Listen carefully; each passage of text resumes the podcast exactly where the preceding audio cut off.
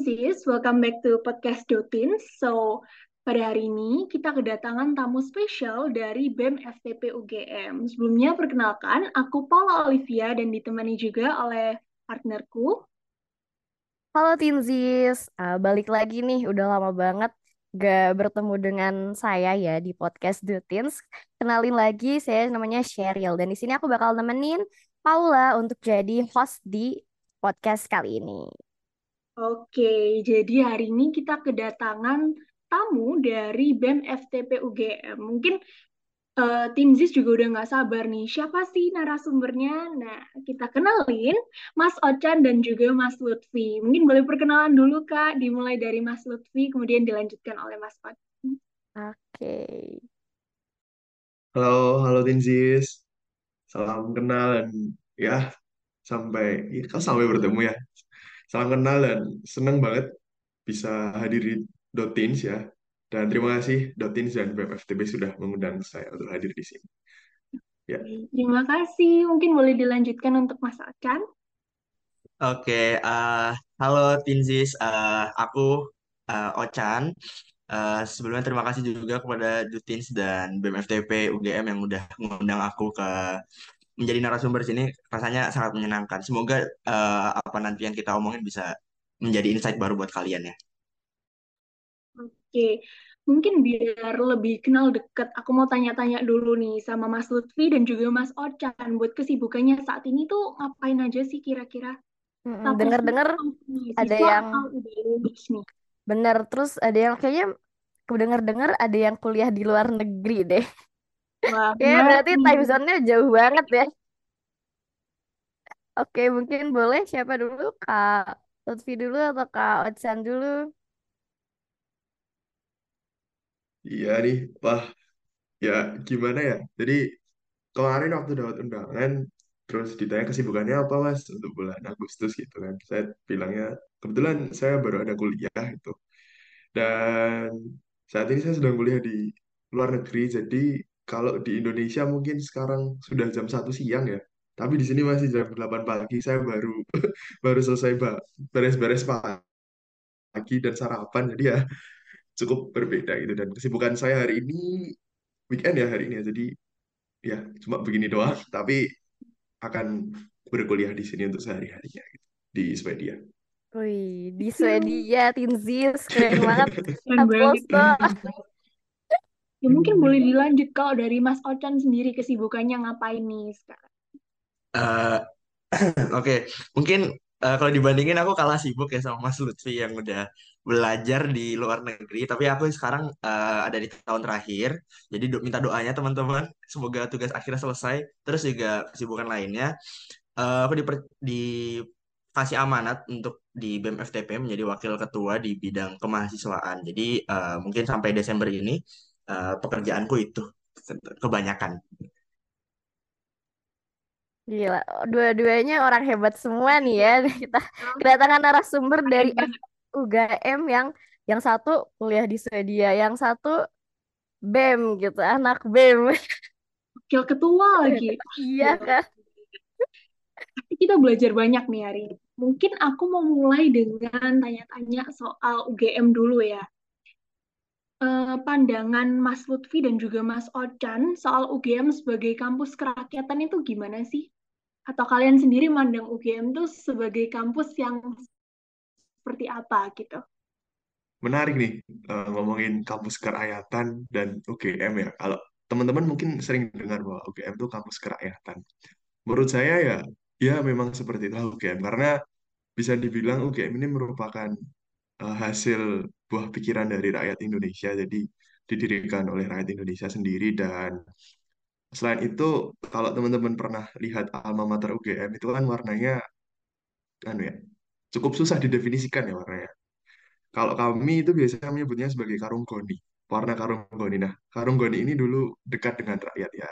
Seperti itulah mengapa UGM disebut kampus kerakyatan. Mungkin Ocan punya opini lain ya, tentang kamus kerakyatan dan uh, betul kalau dari uh, identitas memang pertama kalau dilihat dari Almet itu alma mater jas alma mater kita uh, berwarna karung goni karena memang eh, filosofinya kan karung goni itu dipakai buat beras, buat padi, dan itu yang sangat dekat sama rakyat. Terus juga slogannya UGM itu yang sangat terkenal adalah eh, mengak apa mengakar kuat dan menjulang tinggi. Jadi eh, kita dekat dengan rakyat tapi eh, sangat bermanfaat untuk rakyat. Dan salah satu kenapa kampus kerakyatan UGM eh, mungkin teman-teman juga udah tahu kuliah kerja nyata KKN. Nah, UGM itu menjadi salah satu pelopor yang pelopor kampus yang mengadakan kegiatan KKN tersebut. Baru tahu ya ternyata ada kayak gitu. Kak Shirel juga baru tahu nggak sih? Iya sih, aku baru tahu kalau misalkan warna alma mater UGM tuh ternyata disebutnya warna karung goni ya. Selama ini mungkin itu warna apa ya kita sebutnya gitu. ya. Eh, Iya saking kan ya. kerakyatannya. sama kampus kan sekarang udah lama nggak ke kampus kan ya kangen nggak sih kayak aduh pingin nih main-main ke UGM lagi atau ngerasanya gimana sih Aku ya, aku kangen sih sama UGM. Meskipun sebelumnya juga tiap hari ke UGM.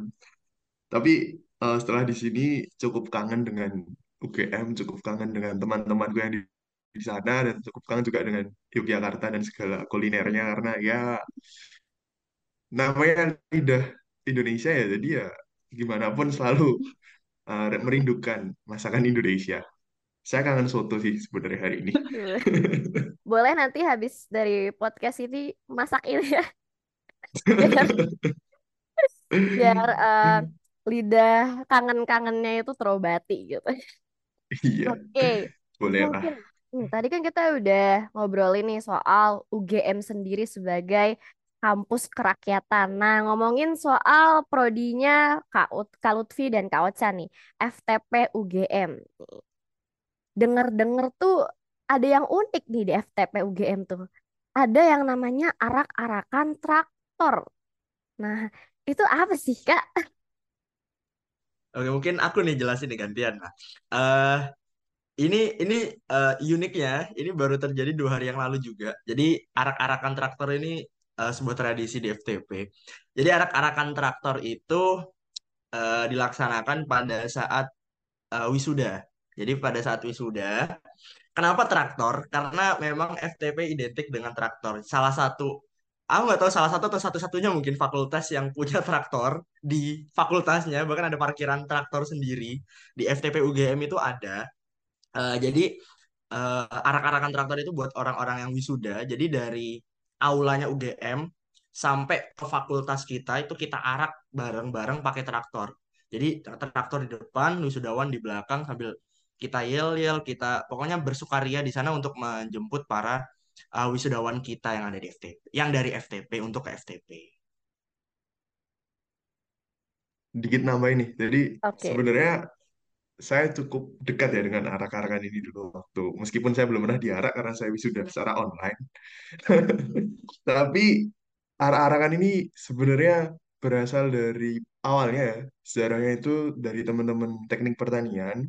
Kemudian waktu itu tahun sekitar 2021 eh itu kami dari tiga departemen di FTP nih ada tiga departemen kan, nggak cuma teknik pertanian. Itu tuh pengen gabung boleh nggak? Gitu. Akhirnya dari sana gabung dan keterusan sampai sekarang jadi FTP ya pakai traktor gitu. Itu jadi ya itu sedikit sejarah gitu tentang kenapa ada arak-arakan traktor. Oke. Menarik ya, Kak. Ya, sayang sekali kalau Lutfi, tapi online mungkin nanti setelah lulus di Swedia bisa membawa culture UGM-nya itu mendunia gitu di Swedia pakai arak-arakan traktor. Bawa teman-teman UGM-nya ke sana. Boleh kali ya. Oke, gimana nih, Paula? seru ya pengen ikutan tapi bukan mahasiswa UGM mungkin buat Tinzis yang pengen ngerasain arak-arakan juga mungkin masuk ke FTP UGM aja kali ya karena kelihatannya seru banget nih Betul itu. Aku mau lanjut nih, karena eh, FTP sendiri kan masih banyak yang miskonsepsi. Sebenarnya FTP tuh gimana sih jurusannya? Jadi mungkin aku mau eh, tanya nih, kalau FTP itu cuma belajar traktor, itu mitos atau fakta? Ini siapa yang mau jawab? Mas Lutfi dulu, Pak. Mas Lutfi dulu aja. Oh iya, Kal oke kalau di FTP cuma belajar traktor itu mitos atau fakta? Kalau cuma, ada kata cumanya itu jadi mitos. Tapi kalau belajar traktor itu fakta gitu. Karena di FTP ada beberapa departemen juga, nggak cuma teknik pertanian yang bermain di alat dan permesinan untuk agriculture, tapi juga ada teknologi industri pertanian dan teknologi pangan. Mungkin Otan bisa nambahin cerita banyak nih. Oke, eh, ya benar sih apa yang kata Mas Lutfi. Jadi di FTP Fakultas Teknologi Pertanian ini ada tiga departemen yang membawahi masing-masing satu jurusan. Jadi yang pertama teknologi pangan dan hasil pertanian, yang kebetulan kita berdua dari teknologi pangan dan hasil pertanian juga. Terus yang kedua teknologi industri pertanian dan teknologi pertan teknik pertanian dan biosistem. Nah, di teknologi pangan dan teknologi industri pertanian, eh teknologi industri pertanian bener. Itu dua-duanya banyak kita belajar tentang proses. Proses pengolahan makanan proses something something lah. But eh, di tekno di teknik pertanian itu dia mereka banyak belajar mesin. Makanya kenapa mereka banyak belajar tentang traktor. Jadi seperti itu. Oke, Nah, kalau. FTP itu berarti sama aja kayak pertanian gitu ya, Tak? Kalau ada yang nanya gitu, kira-kira gimana sih tanggapannya? Waduh, gitu. Kadang tuh banyak itu yang ngomong oh FTP ini pertanian eh FTP itu teknik jadi memang Hmm, agak-agak ya ya banyak yang miskonsepsi ya memang, Mas Ian. Iya, tapi memang sebenarnya FTP itu bukan pertanian gitu. Kalau kami itu punya suatu uh, yel-yel ya dibilangnya ya. Itu ada yang mengatakan bahwa FTP itu bukan pertanian gitu. Salah satunya. Nah, karena apa? Karena di tempat kami itu lebih ke pasca panen. Kalau Hmm, dibilang secara keseluruhan di FTP itu kan Fakultas Teknologi Pertanian, kami mempelajari teknologi pasca panennya, bagaimana itu dari lahan sampai nanti itu makanan itu bisa dikonsumsi oleh teman-teman semua gitu. Jadi ya kalau pertanian itu mungkin lahannya, mungkin benihnya, mungkin airnya itu seperti apa atau tanahnya gitu. Kalau di FTP itu lebih bagaimana cara ngolah hasilnya gitu, supaya mendapatkan uh, makanan yang layak dikonsumsi dan aman gitulah istilahnya. Dan, ya, intinya FTP. pengolahan lah ya kalau. Intinya ya proses pengolahan. Oke, dari Kak Sheryl gimana nih tanggapannya? Banyak loh yang miskonsepsi. Berarti ternyata yang pertama, poin pertama, FTP itu nggak cuman belajar tentang traktor ya. Jadi kalau misalkan dibilang FTP cuma belajar traktor doang, oh itu berarti mitos. Nah, padahal ada banyak tuh. Apa, Kak Chan mau nambahin? nggak bener-bener Bener lanjut kan? Iya, berarti gak hanya traktor sebenarnya FTP itu belajarnya. Fakultas Teknologi Pertanian gak cuma traktor. Nah, yang kedua itu eh, FTP itu kalau dibilang sama saja seperti pertanian, sebenarnya beda kata yang tadi Kak Lutfi ya. Berarti kalau dibilang ah, FTP sama aja kayak pertanian itu mitos. Faktanya FTP itu lebih mempelajari ke pasca panennya dari lahan sampai makanannya bisa dikonsumsi betul ya seperti itu Kak Upi. Kak Lutfi. Tiba-tiba. Oke, um, ngomongin soal FTP nih kan kakak-kakak di sini masih Auchan yang masih di uh, kuliah di FTP UGM yang masih merasakan gedung-gedung FTP UGM dan mungkin Kak Lutfi yang sudah alumni dari FTP UGM dan punya memori nih terkait FTP UGM sendiri. Ada nggak sih cerita menarik dari kakak-kakak terkait FTP UGM ini? Dengar-dengar nih, ada ini nih, ada cerita, ada satu cerita nih di FTP UGM. Kalau di FTP UGM itu ada cerita horornya di lantai dua, di lift lantai dua. Waduh, Waduh, itu gimana tuh, Kak? Mungkin Mas Lutfi yang sempat cosplay jadi hantunya mau ngomong dulu enggak Ya, aku punya sedikit memori tentang ini. Jadi kalau kita calling lagi memoriku tuh, aku pernah waktu itu masih semester 2 atau semester 3 aku lupa. Itu lagi ada acara gitu. Nggak acara sih, tapi lagi ada wawancara di depan lift lantai 2 gitu. Udah jam 9 malam dan eh meskipun ada beberapa orang, tapi menurutku lampunya tuh nggak hidup. Lampunya nggak bisa dihidupin gitu. Nah, udah nih, udah jalan separuh wawancara itu, ya liftnya tuh bunyi tiba-tiba. Nggak tahu siapa yang mainan lift gitu.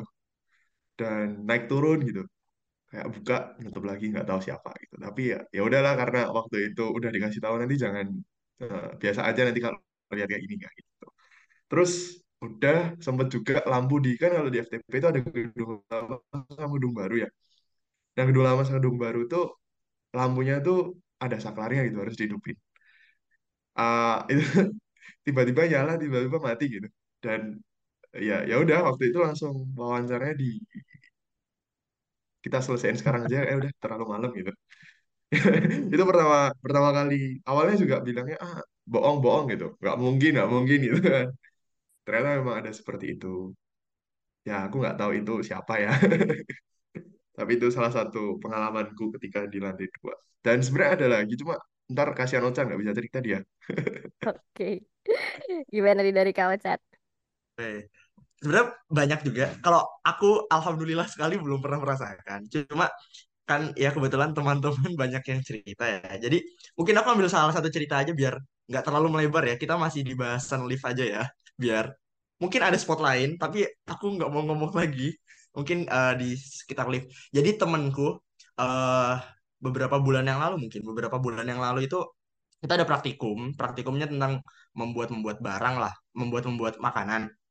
Nah, itu eh, mereka lagi di lab lantai satu, pengen ke lab lantai dua lewat lift. Mereka berdua kalau nggak salah cowok cewek. Terus eh, dari lantai satu eh, naik lift, pas baru masuk lift, mereka kan mau mencet lantai dua. Tiba-tiba setelah dia mencet lantai dua, yang lantai limanya nyala juga. Tiba-tiba kayak pas mundur kayak mereka berdua saling tatap-tatapan kayak ini siapa yang mencet lantai limanya dan setelah mereka turun lantai dua ya liftnya naik ke lantai lima tapi nggak sih nggak tahu itu siapa yang mencet jadi kayak gitu ceritanya memang agak-agak Ada aja ya jadi cerita-cerita kayak gitu. Iya Untung tapi Kak Ocan eh, nggak pernah ngerasain kalau Kak Lutfi sebelumnya pernah ngerasain tapi nggak sampai sekarang ikut ke Swedia kan ya Kak?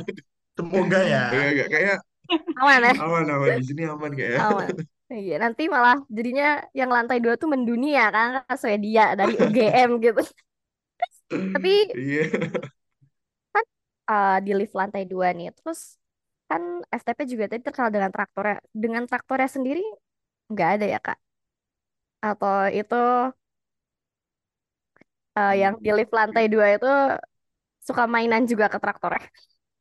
Kalau kalau tentang traktor belum pernah dengar sih ada yang cerita Oke, itu. Karena itu aman emang ya belum berarti ya sama aman. aku traktornya. juga belum pernah dengar karena memang Dan memang yang yang berkembang itu emang lantai dua lantai dua itu sangat iya, amat banyak yang iya merasakan lantai dua. Sebenarnya lantai dua sih banyak banget. Terutama di lab ya. Itu lebih lebih ba lebih seru di lab daripada di lift juga. Wah, Tapi kayaknya sepertinya ada urban legendnya tersendiri di lantai dua ini ya Kak ya. ya Barangkali Oh mungkin iya buat mungkin. yang penasaran atau yang suka Ghost Hunter, Ghost Hunter boleh banget mungkin main ke gedung ya UGM. kalau misalnya berkunjung ke lantai dua gitu, takutnya Iya, nanti kita yang diganggu. gitu. oke, bener banget Paula. Terus gimana lagi nih? Ya bahasanya. Mungkin kita biar nggak tegang-tegang terus kita nyantai dikit gitu. Karena eh, Mas Lutfi dan juga Mas Ocan ini kan dari FTP. Mungkin kita singgung sedikit juga soal eh, food safety dan juga kedaulatan pangan. Food safety dan kedaulatan pangan itu apa sih Kak sebenarnya? Eh, supaya kita orang-orang yang awam yang bukan mahasiswa dari FTP ini juga bisa punya gambaran gitu. Oh, menarik nih. Tadi Paula bilang habis dari yang tegang-tegang ke yang santai dikit. Tapi ini sebenarnya juga nggak terlalu santai itu. Oh, itu tentang Sama salah satu tegangnya mata ya Kak kuliah. berarti. ini ini nggak tegang tapi susah ya Berat, berat, berat. Ya, ya meskipun ini menjadi salah ini menjadi salah satu mata kuliah kami ya, Cer ya. Ketika semester 4 kalau nggak salah dulu, aku dapat semester 4 udah, eh, tentang keamanan pangan atau food safety. Itu food safety itu secara mudah bisa dipahami dengan keamanan pangan atau semua orang itu eh, harus makan makanan yang aman, berhak mendapatkan makanan yang aman dan produsen pun juga diwajibkan untuk memproduksi secara aman gitu, sehingga itu tidak menyebabkan keracunan, tidak menyebabkan eh, atau penyakit-penyakit yang tidak diinginkan gitu. Nah, itu food safety. Mungkin Ocan bisa menambahkan yang masih fresh ya diingatan food Eh, safety.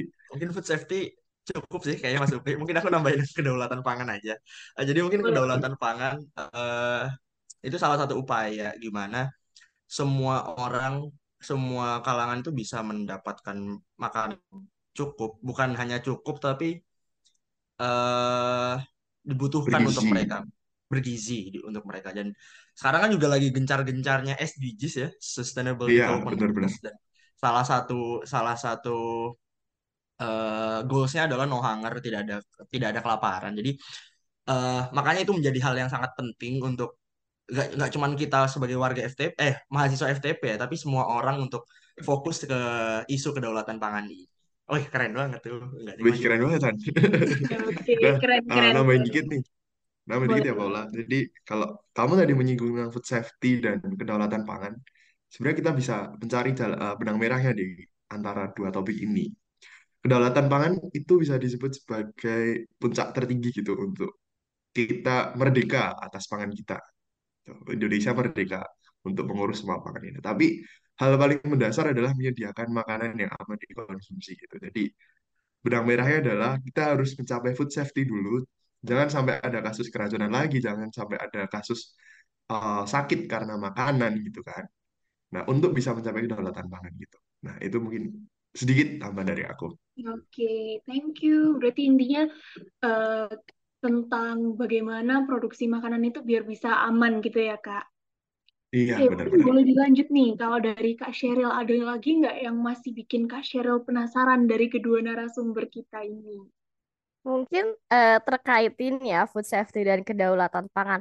Kalau dari Kak Lutfi dan Kak Ocan sendiri melihat eh, kondisi dan situasi di mungkin di sekitar Kak Lutfi dan Kak Ocan di Indonesia atau sekitar kayak eh, perumahannya Kak Lutfi dan Kak Ocan sendiri, apakah yang tadi Kak Lutfi dan Kak Ocan bilang terkait food safety dan kedaulatan pangan tuh di sekitar kakak-kakak di Indonesia ini udah cukup memenuhi apa definisi sebagai kedaulatan pangan dan food safety itu gitu. Oke, aku ini ya ngomongin tentang itu. Untuk sekitarku mungkin eh, food safety itu bisa dimulai dari rumah kita sendiri ya. Kalau di lingkungan itu memisahkan antara makanan yang mentah dengan masakan yang sudah matang. Itu juga merupakan salah satu hal paling simpel ketika menyimpan makanan untuk mencegah eh, kontaminasi silang gitu antara makanan yang mentah dan makanan yang sudah matang gitu. Dan ketika berbicara lebih luas mengenai food safety ini atau regional ya, misalkan aku karena aku dari Yogyakarta, eh ya ini masih menjadi tantangan kita semua itu untuk keamanan pangan ini. Karena ini perlu adanya edukasi baik dari produsen, baik dari yang membeli juga harus hati-hati gitu, harus mencermati gitu. Ini masih menjadi tantangan yang cukup menantang gitu ya. Apalagi untuk mencapai kedaulatan pangan sebenarnya ya kita masih dalam ya kalau bisa dibilang on the way gitu ya, OTW. Setuju, setuju. Eh, jadi sekarang juga banyak. Mungkin eh bisa dibilang imbang ya. Kasus juga ada, tapi tahap untuk mencapai kita untuk lebih keamanan pangan itu juga ada dari pemerintah. Jadi eh, bisa dibilang fair. Eh, enggak, ya maksudnya kita berharap juga kasus-kasus semakin menurun. Kasus-kasus keamanan pangan yang kayak misal ada keracunan atau ada tentang kedaulatan pangan yang eh, makanan tidak tersebar merata di sebuah daerah. Kita juga berharap ini menurun, tapi kita juga melihat langkah pemerintah untuk menekan tingkat keamanan pangan lebih tinggi, kedaulatan pangan lebih merata itu ada dan eh, mungkin semoga ini bisa menjadi tujuan yang baik dan hasil yang baik juga untuk Indonesia ke depannya. Oke, baik. Mungkin Tinzis yang mendengarkan podcast ini yang tertarik nih sama isu-isu yang tadi Kak Lutfi sama Kak Ocan bicarakan terkait food safety dan kedaulatan pangan, di mana mungkin ya Indonesia sendiri masih dalam tahap berkembang lah ya untuk menuju food safety dan kedaulatan pangan yang lebih baik gitu. Mungkin bagi kalian yang tertarik, masuk FTP UGM. Bareng nanti sama Kak Ocan dan Kak Lutfi mungkin ya untuk uh, uh, kita sama-sama menanggulangi isu tersebut gitu untuk mencapai Indonesia yang lebih baik ya. Oke, Indonesia yang lebih baik. Nah, mungkin kalau misalkan tadi uh, masuk FTP UGM nih, terus udah masuk FTP UGM pengen menyelesaikan isu ini terus tapi pengen juga nih ah kayaknya nggak cukup kalau misalkan kita di Indo aja nih kita belajar soal itu untuk misalkan eh, bisa kita mengimplementasi apa yang kita pelajari gitu ya di FTP UGM ke Indonesia terus perlu juga belajar mungkin dari negara lain. Nah, mungkin salah satunya yang dilakukan Kak Lutfi ini gitu kan, belajar ke Swedia. Nah, bisa dong ceritain Kak Lutfi kesempatan mahasiswa FTP, nah bisa kuliah di luar negeri sehebat Kak Lutfi ini di Swedia. Terus kesempatan mendapatkan beasiswa studi ke luar negerinya tuh kayak gimana sih Kak? Waduh, ini menarik nih. Benar. Ya, eh, salah satu alasanku ya bener juga sih kenapa aku pengen melanjutkan karena aku pengen melihat kalau negara maju itu seperti apa tentang sistem pangannya gitu, food systemnya itu seperti apa gitu untuk mencapai kedaulatan pangan itu tentunya ya. Nah, kesempatan mahasiswa FTP untuk lanjut saya kira sangat terbuka lebar ya. Dan sekarang dari BEM FTP juga sudah memfasilitasi ada salah satu namanya itu kalau belum ganti ya, dulu waktu saya masih di BEM itu ada namanya akademik dan prestasi yang dia itu memberikan informasi beasiswa, memberikan informasi exchange gitu. Jadi bahkan sebelum lulus pun sebenarnya bisa exchange dan kayak Otani juga habis dari Korea kalau nggak salah. Ini dari delegasi salah satu delegasi Indonesia di Korea juga. Dan kesempatan untuk mendapatkan beasiswa setelah lulus itu teman-teman banyak banget untuk FTP. Ada namanya beasiswa yang paling terkenal ya menurutku di Indonesia itu LPDP. LPDP itu sangat terbuka untuk teman-teman semua. Jangan khawatir teman-teman, karena syarat IPK-nya juga nggak terlalu tinggi. Itu cukup 3,2. Terus yang penting teman-teman punya pengalaman nih, pengalaman banyak, pengalaman organisasi gitu. Dan ikut BEM itu merupakan salah satu ya pengalaman yang bagus gitu untuk membuat CV, kemudian ikut macam-macam. Terutama kalau teman-teman mau LPDP, teman-teman punya eh, background seperti pelayanan sosial atau mungkin di BEM itu ada live-in terus bisa juga punya pengalaman uh, teamwork dan leadership gitu, itu sangat membantu ketika wawancara, ketika menuliskan esai. Nah, dan pilihan negara itu sebenarnya juga sangat terbuka, nggak cuma di Swedia ya, karena kebetulan saya pengen pengen aja dari dulu ketika kuliah pengen di Swedia, tapi teman-teman juga bisa mengambil kuliah di mana pun. Ada beberapa universitas yang terkenal di agriculture-nya, di food-nya itu seperti Wageningen University, seperti uh, SLU di Swedish, ya itu yang Swedish Agriculture itu. Kemudian ada juga di University of Copenhagen dan di Jepang pun juga ada, ada Osaka, ada Kyoto yang mungkin di bioteknologinya, food biotechnology. Jadi macam-macam. Yang penting adalah teman-teman berani untuk memulai aja sih. Karena aku pun kalau ditanya akademiknya juga ya pas-pasan gitu aja. Tapi ya modal berani aja gitu. Dan Ya BEM aku FTP ini lanjut aja Mas dulu. nih dan Selesai dan, dulu. dan pernah menjadi bagian dari BEM FTP ini sangat-sangat membantu saya gitu untuk belajar, untuk mempunyai pengalaman lebih dan terutama mengembangkan soft skill ya. Itu sih paling penting. Mungkin kalau Mas Upi kan ini sampai S2 berarti ya Mas di sana kan? Iya, saya S2 Ah sekarang. nih. Mungkin kalau dari FTP sendiri juga banyak eh, change, banyak kesempatan buat kalian bisa ngerjain tugas akhir juga di luar ataupun exchange yang kayak satu semester atau satu tahun Eh, dari FTP pun kalau FTP UGM ya FTP UGM itu punya kerjasama punya link dengan universitas-universitas lain. Jadi mungkin kalian di semester tahun kedua tahun ketiga itu udah bisa exchange keluar. Karena mungkin yang aku lihat eh, kemarin itu teman-temanku banyak yang daftar eh, keluar. Bahkan ada satu universitas yang dia kuotanya sampai 20 mahasiswa. Dan bahkan itu dosen yang cari mahasiswanya bukan mahasiswa yang meng-apply. Jadi kayak bener-bener sebanyak itu eh, kesempatan kalian buat eh, belajar di luar negeri, eh, mengerjakan tugas akhir di luar, atau nyari beasiswa. Mungkin kalau Mas Lutfi dapat yang LPDP, salah satu beasiswa yang terkenal lain mungkin teman-teman juga tahu adalah ISMA. ISMA juga salah satu beasiswa dari kementerian yang Wah itu keren banget deh pokoknya duitnya juga banyak juga eh, enam bulan kan lumayan. Jadi mungkin itu banyak banget eh, kesempatan buat eh, belajar di luar negeri.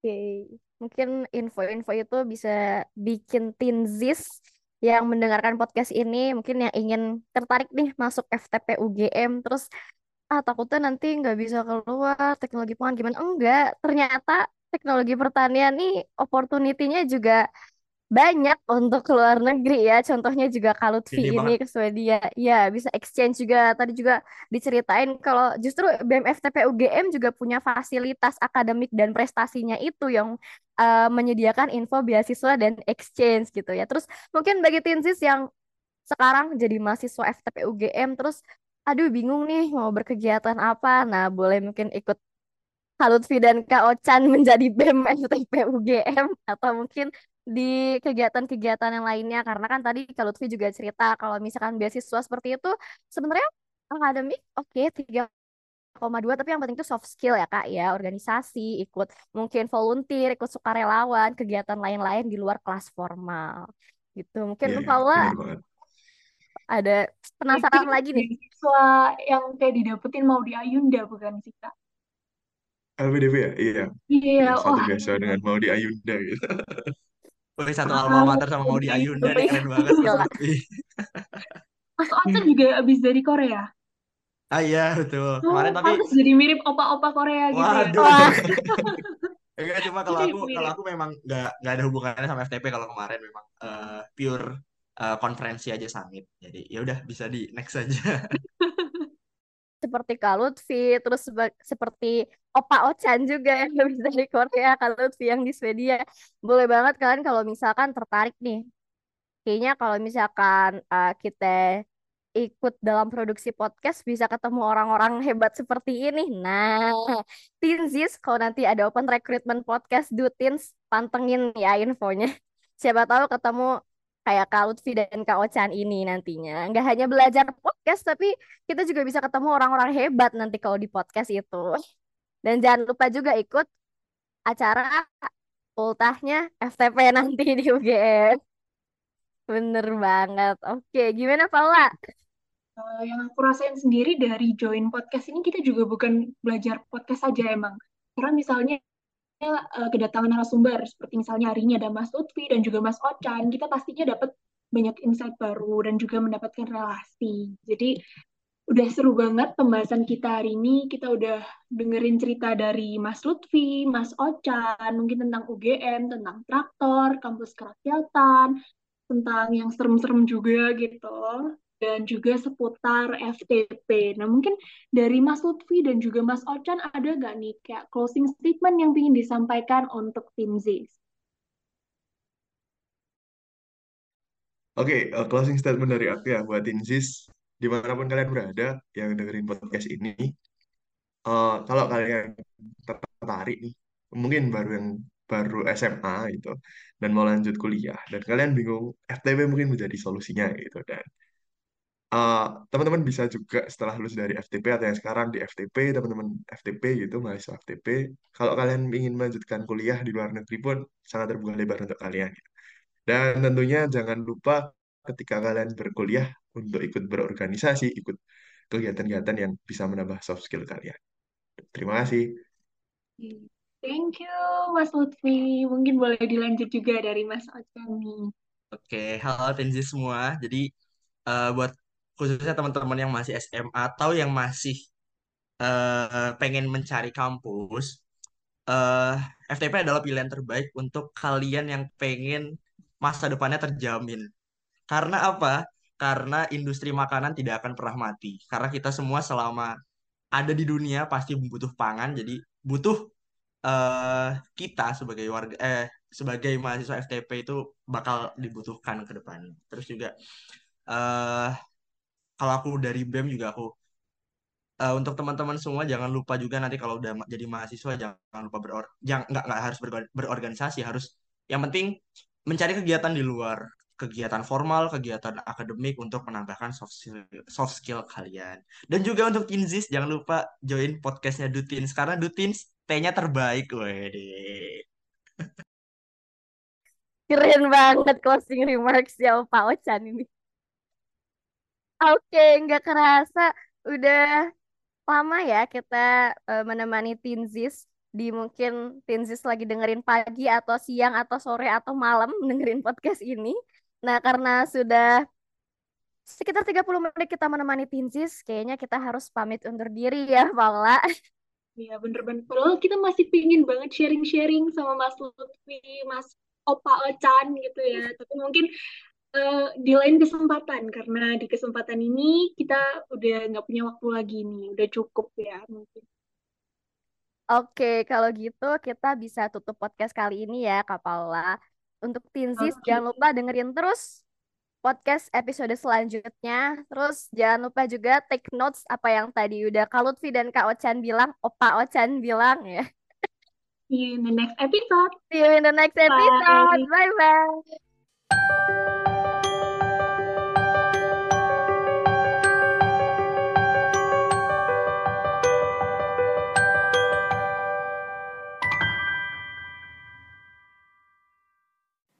Terima kasih sudah mendengarkan episode ini sampai selesai. Yuk, sharing pengalaman serupa kalian di postingan Instagram at Dutins. Langsung kepoin juga ya IGTV dan feed Instagram Dutins. Terakhir, jangan lupa untuk dengerin podcast Dutins di episode yang lainnya. See you on the next episode. Bye-bye.